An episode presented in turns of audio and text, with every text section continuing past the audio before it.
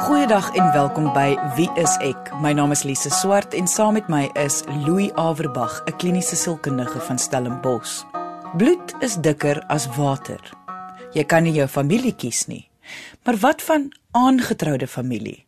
Ons gaan vandag 'n luisteraarsbrief bespreek wat ons nou onlangs ontvang het. Die skrywer is 'n man wat nie hou van sy swaarse gedrag of houding nie. Ek vermoed die meeste mense wat dit hoor sal dink dat hy homself moet forceer vir sy vrou se onthaalwe om met hom oor die weg te kom. Maar soos alles in die lewe, is dit nie altyd so eenvoudig nie.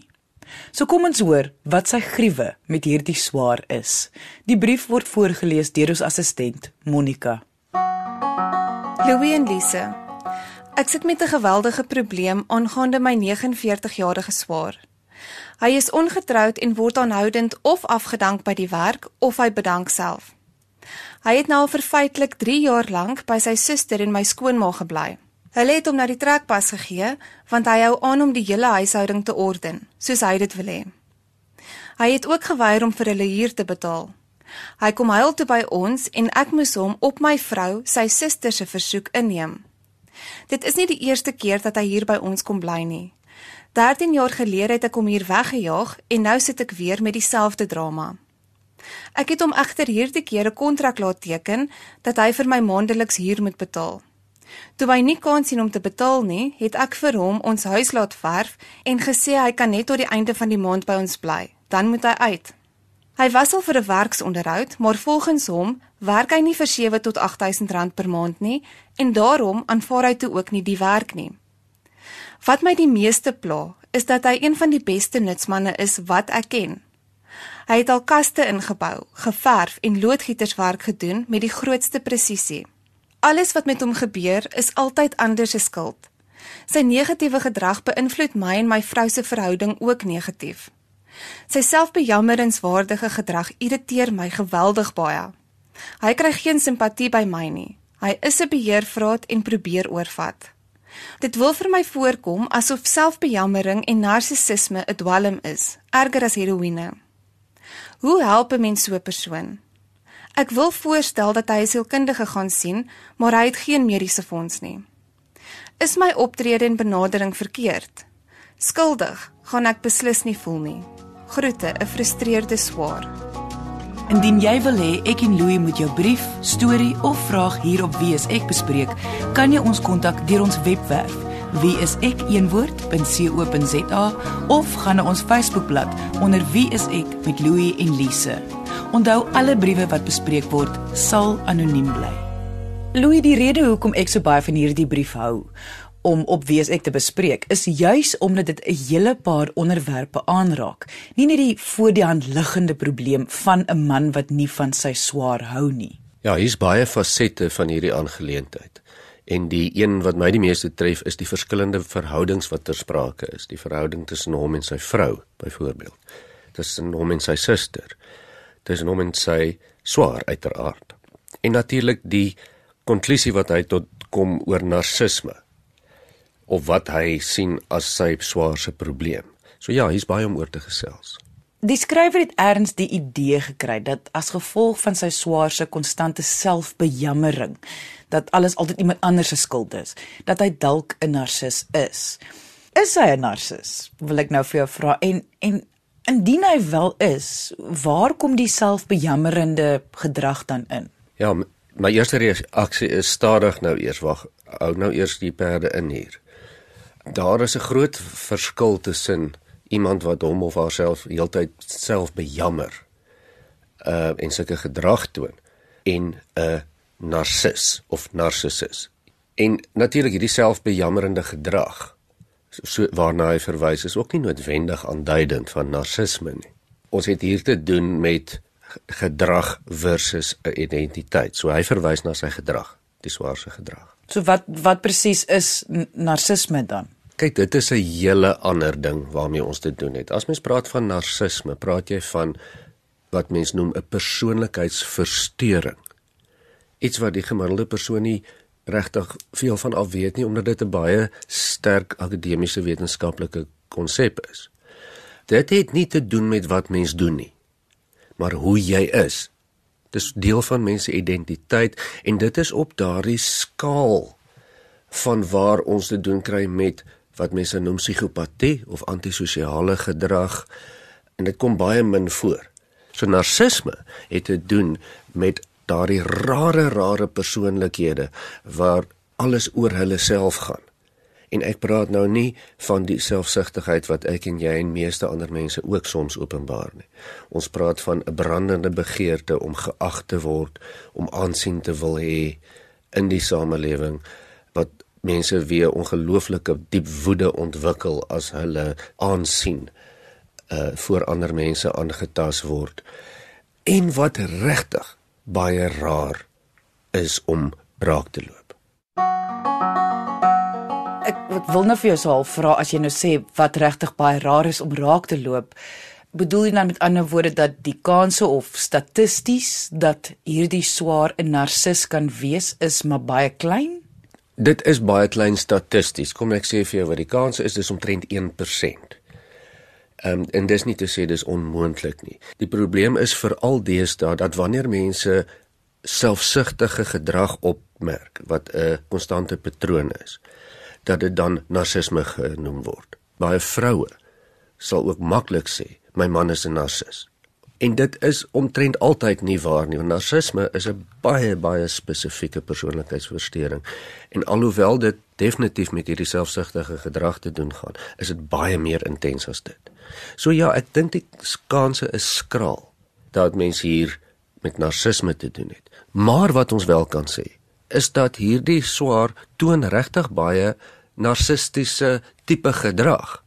En ek wil dit mooi in konteks stel. Ons almal doen dit soms. Ons almal toon tekens van narcisme of antisosiale gedrag. Maar dit beteken nie dit is 'n volledige identiteit nie. daarmee maak dit ook nie natuurlik hierdie swaarse gedrag minder intens nie. Hierdie is nog 'n baie intense voorbeeld van uiters selfsugtige gedrag. Wat mens kan laat wonder in hoe mate hy dalk antisosiale neigings ook het. Daardie tipe neigings wat maak dat jy regtig nie omgee vir ander mense dat jou gewete amper nie 'n rol speel nie. Jy luister na Wie is ek met Louie en Lise op RSG 100 tot 104 FM. Die skrywer sê op 'n stadium dat die swaarse gedrag ook sy verhouding met sy vrou moeilik maak. Dit voel vir my hulle verhouding is tog eintlik die heel belangrikste as ons nou gaan praat oor verhoudings. So, wat kan die skrywer doen om heel eerste die verhouding tussen hom en sy vrou aan te spreek? Jy is heeltemal reg, hierdie is die groot gevaar. En jy's verder reg deur te verwys daarna dat dit heel eerste aangespreek moet word. Dit klink nie of hulle saamstem oor wat presies met die swaar moet gebeur nie. Trouwens, hulle is duidelik nie op dieselfde bladsy nie. As hulle nie gaan saamstem met 'n plan van aksie rondom die swaar nie, gaan dit aanhou gebeur wat nou gebeur en dit is 'n ou Romeinse beginsel van divide and conquer. En wie is die enigste party wat voordeel trek hier uit die swaar? So ek stem saam met jou ten alle koste. Maak nie saak hoe moeilik of hoe lank dit vat nie, moet hierdie man en sy vrou tot 'n vergelyk kom oor wat presies hulle plan van aksie met swaar is. Want sies tot dit moet geweldige druk vir die suster, met ander woorde die skrywer se vrou wees dat haar broer so is. So alhoewel dit nie gevra word nie, is daar iets wat sy dalk kan doen om haar broer se gedrag te verander? Ja, ek stem saam, dit moet vir haar seker baie sleg wees. Maar in steede van om te vra wat sy kan doen om haar broer se gedrag te verander, dink ek die baie meer relevante vraag is wat doen sy op die oomblik om sy gedrag in stand te hou? Met ander woorde, hoe maak sy dit vir hom makliker om nie reg te kom nie, as mens dit amper so kan stel. En dit klink asof sy dit vir hom maklik maak. Dit is waarna ons briefskrywer ver, verwys. Sy kry my jammer en neem hom maar weer in as ek reg verstaan. Nou goed, dit werk duidelik nie. En nou moet ons verder verstaan. Ons kan niemand se gedrag verander nie. Ons kan nie meer ander mense se gedrag verander nie. En hierdie man is nou 49. Ek neem aan hier's al baie mense wat probeer het om sy gedrag te verander. Sy familie, definitief sy skoonfamilie, maar dit het nou nog nie verander nie. Hoekom nie? Want hy wil dit nie self verander nie as ons op die weergawe wil gaan. Wat mens wel kan doen en dis al wat jy kan doen, is jy kan baie duidelik maak wat se gedrag jy nie in jou omgewing of in jou konteks toelaat nie. En dit laat hom dan met die opsie of hy sy gedrag wil verander of nie. Met ander woorde, ek wil amper sê dit klink soos asof jy soos met 'n kind grootmaak dat jy die reëls van jou huis met en en as jy dit nie volg nie, is daar nagevolge. Ja, hierdie is 'n geweldige algemene situasie. Baie van ons luisteraars sal hiermee kan identifiseer.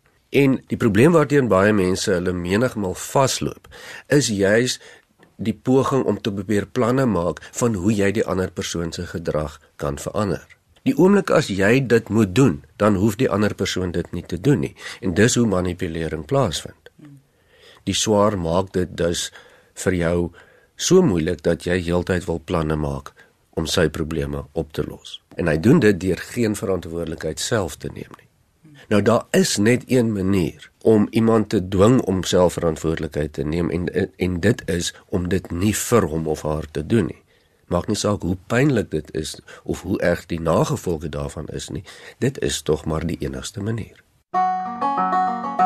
Dit is duidelik dat hierdie swaar huismoeles veroorsaak. Dit laat my nou wonder hoe belangrik dit nie net vir hierdie familie is nie, maar alle families wat chaos in hul gesinne het hoe belangrik ek wil presies kalmte is. Met ander woorde, hoe belangrik dit is om striwelinge uit te sorteer onder mekaar. Dink gou aan wat gebeur as mens dit nie doen nie. Ek is nou nie seker of die ons briefskrywer 'n werkende persoon is of nie, maar ek neem aan hy is. En as mens 'n dag by die werk of met werk spandeer het en jy wil huis toe gaan en daar wag vir jou onaangenaamheid by die huis, is dit gewoonlik nie baie lank voordat mense begin tekens toon hiervan nie. Irritasie, aggressie, verhoudingsprobleme, want almal wil 'n veilige hawe hê. Die enigste persoon wat hier 'n veilige hawe het, is die swaar. Ehm um, ons briefskrywer het nie een nie, sy vrou het nie een nie, want daar's probleme tussen haar en haar man as gevolg van die situasie wat hulle nie hanteer nie. En ek wil dit weer eens sê, dis nie die swaar se skuld nie. Dis die briefskrywer en sy vrou wat nie die swaar hanteer nie. Ons bespreek vandag net een luisteraarsbrief wat handel oor 'n volwasse man van in sy 40's wat sy swaar susters en ma se lewens baie moeilik maak met sy selfbejammerende gedrag en ontwyking van die lewe se verantwoordelikhede soos om te werk, finansiëel by te dra ensovoorts. Voor ons verder gaan met die bespreking van ons skrywer se dilemma, kom ons luister net weer na die brief, voorgeles deur ons assistent Monica. Louis en Lise. Ek sit met 'n geweldige probleem aangaande my 49-jarige swaar. Hy is ongetroud en word aanhoudend of afgedank by die werk of hy bedank self. Hy het nou vir feitelik 3 jaar lank by sy suster en my skoonma gebly. Hulle het hom na die trekpas gegee want hy hou aan om die hele huishouding te orden, soos hy dit wil hê. Hy het ook geweier om vir hulle huur te betaal. Hy kom huil toe by ons en ek moes hom op my vrou, sy suster se versoek inneem. Dit is nie die eerste keer dat hy hier by ons kom bly nie. 13 jaar gelede het ek hom hier weggejaag en nou sit ek weer met dieselfde drama. Ek het hom egter hierdie keer 'n kontrak laat teken dat hy vir my maandeliks huur moet betaal.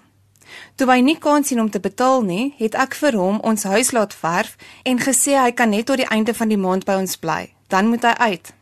Hy was al vir 'n werksonderhoud, maar volgens hom werk hy nie vir 7 tot 8000 rand per maand nie en daarom aanvaar hy toe ook nie die werk nie. Wat my die meeste pla, is dat hy een van die beste nutsmanne is wat ek ken.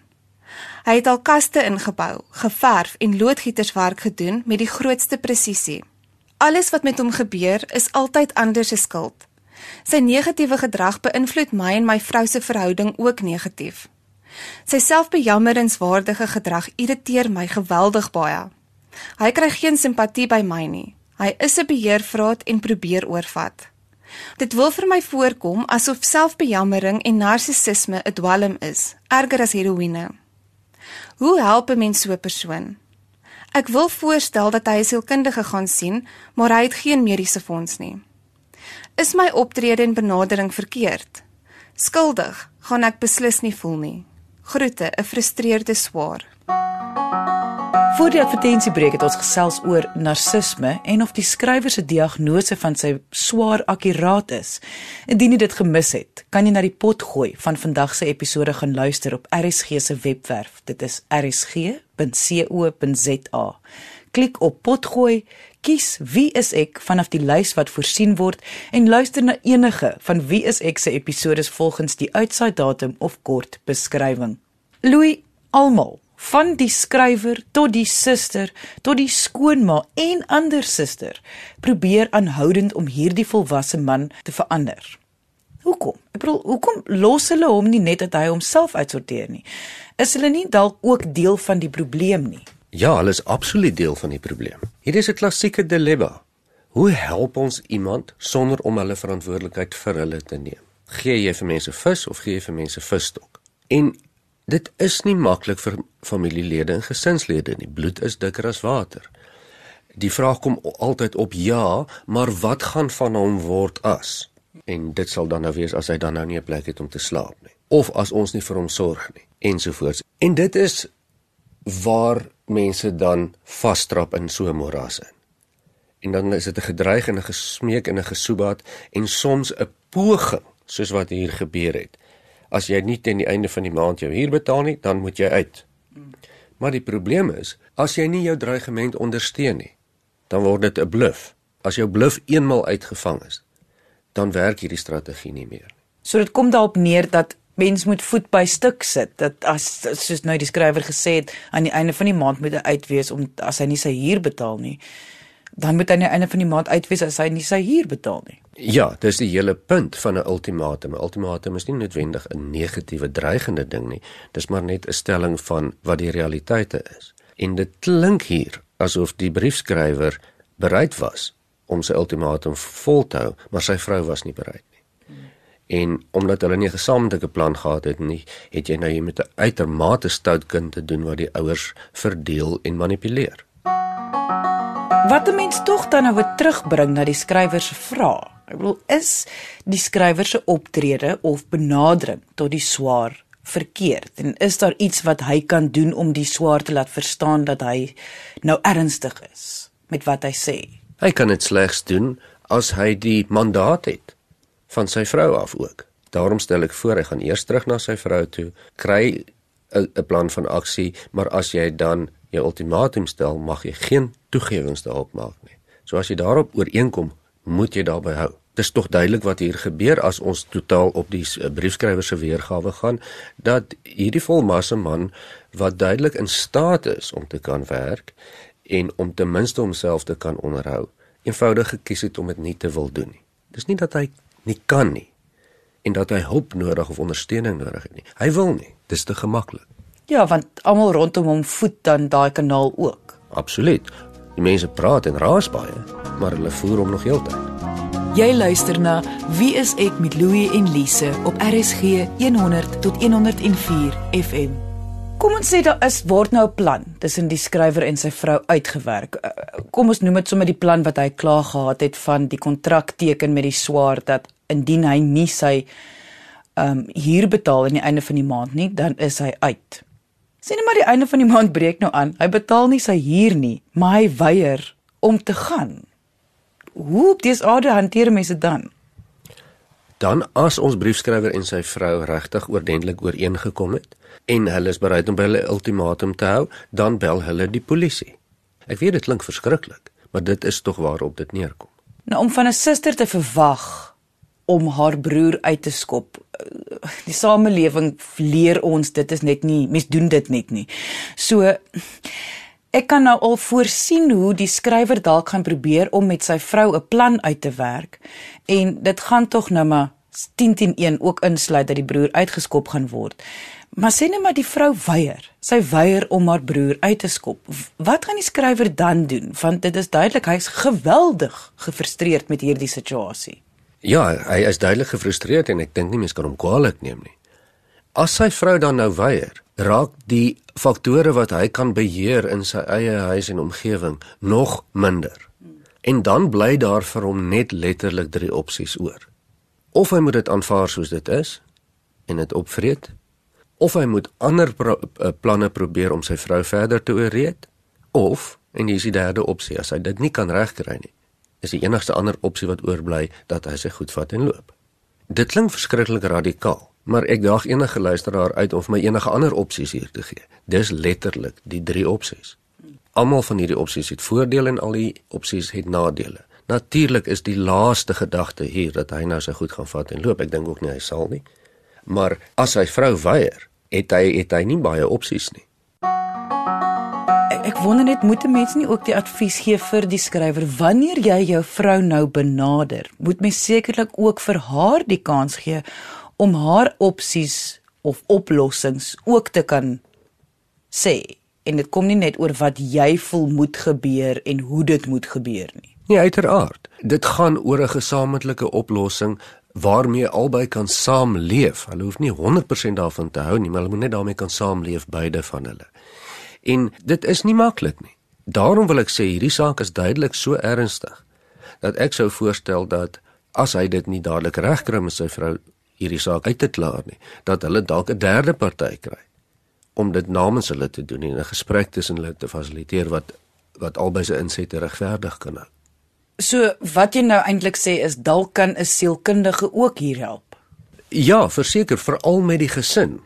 Dit klink vir my hulle het die idee dat hulle graag die swaar wil stuur vir 'n sielkundige. Maar dit nou nie 'n mediese fonds nie.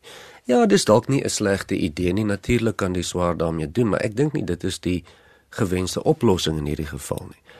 Vir sielkundige hulp om te help, moet iemand graag wil gaan. En daar is staatshospitale waar daar gratis psigiaters en sielkundiges is, so hy kon al lank al gegaan het. Deel van die probleem is mos dat hy nie wil nie, so hy gaan in elk geval nie gaan nie. So ek sou voorstel dat jy en jou vrou miskien iemand saam sien om julle te help om 'n ooreenkoms te bereik oor die swaar. Onthou die kern van hierdie hele oplossing lê in 'n ooreenkoms tussen hom en sy vrou. Daar's geen ander manier rondom dit nie. Ek dink dit gaan hier oor 'n skaal. Niemand gaan ooit presies optree soos wat mense verwagting is of wat mense reëls is of wat redelik verwag kan word van mense nie. Maar wanneer dit op 'n sekere punt kom soos in hierdie geval waar almal se lewe so onaangenaam raak, dan is die aanbeveling maar altyd dat jy gaan kyk na wat jou ononderhandelbare terme van jou eie bestaan is. En en dan moet mens baie eerlik met jouself gaan wees. Kan ek daarmee saamleef dat my swaar hier is ehm um, ter wille van my vrou? Al is dit nou nie vir my lekker nie, kan ek daarom daarmee saamleef of kan ek regtig nie? En as ek regtig nie kan nie, dan kan ek nie. Dan moet jy 'n plan maak en dan kom ons by ultimatums, nê? Nee. Maar waar daar meer partye betrokke is, dis soos dis iemand se man of iemand se vrou in 'n familie, dan kan jy tog nie so selfsugtig wees nie. Jy moet met jou lewensmaat hierdie ding uitsorteer en dis waar altyd die probleem kom en ek sê dit weer in die geval is die oplossing van die probleem nie by die swaar nie maar by die briefskrywer en sy vrou. Ek moet sê, dis wat ek uit vandag se episode geleer het, is juis dat wanneer iemand se gedrag jou so grief, hoe 'n mens tog vir jouself moet vra, watter aandeel het jy daarin dat die persoon so optree? En ook na jouself kyk in so 'n situasie. Ja, natuurlik. Weereens, die vraag is hier, hoe hou jy jou vrou, die hele familie nou hierdie swaarse probleem in stand? En ek weet die briefskrywer sê dis juist wat hy nie wil doen nie. Maar om dan nie 'n ooreenkoms met sy vrou te kry nie of die ultimatums heeltemal by te hou nie, is ook 'n manier om dit makliker te maak vir die swaar. Selfs al is dit nie sy bedoeling nie en dit is natuurlik niemand se bedoeling nie. Die swaar is besig om die hele gesin soos 'n viool te speel. En die rede hoekom hy dit regkry is omdat die kerngesin hierso verdeel is. Indien jy enige vrae oor vandag se onderwerp of net jou storie met ons wil deel, kan jy ons kontak via ons Facebookblad onder Wie is ek met Louie en Lise of deur ons webwerf. Dit is wieisek.co.za. Dankie dat jy vandag ingeskakel het. Ons maak weer so volgende Vrydag 12:30 net hier op RSG. Jy moet 'n heerlike naweek hê he, en onthou, kyk mooi na jouself.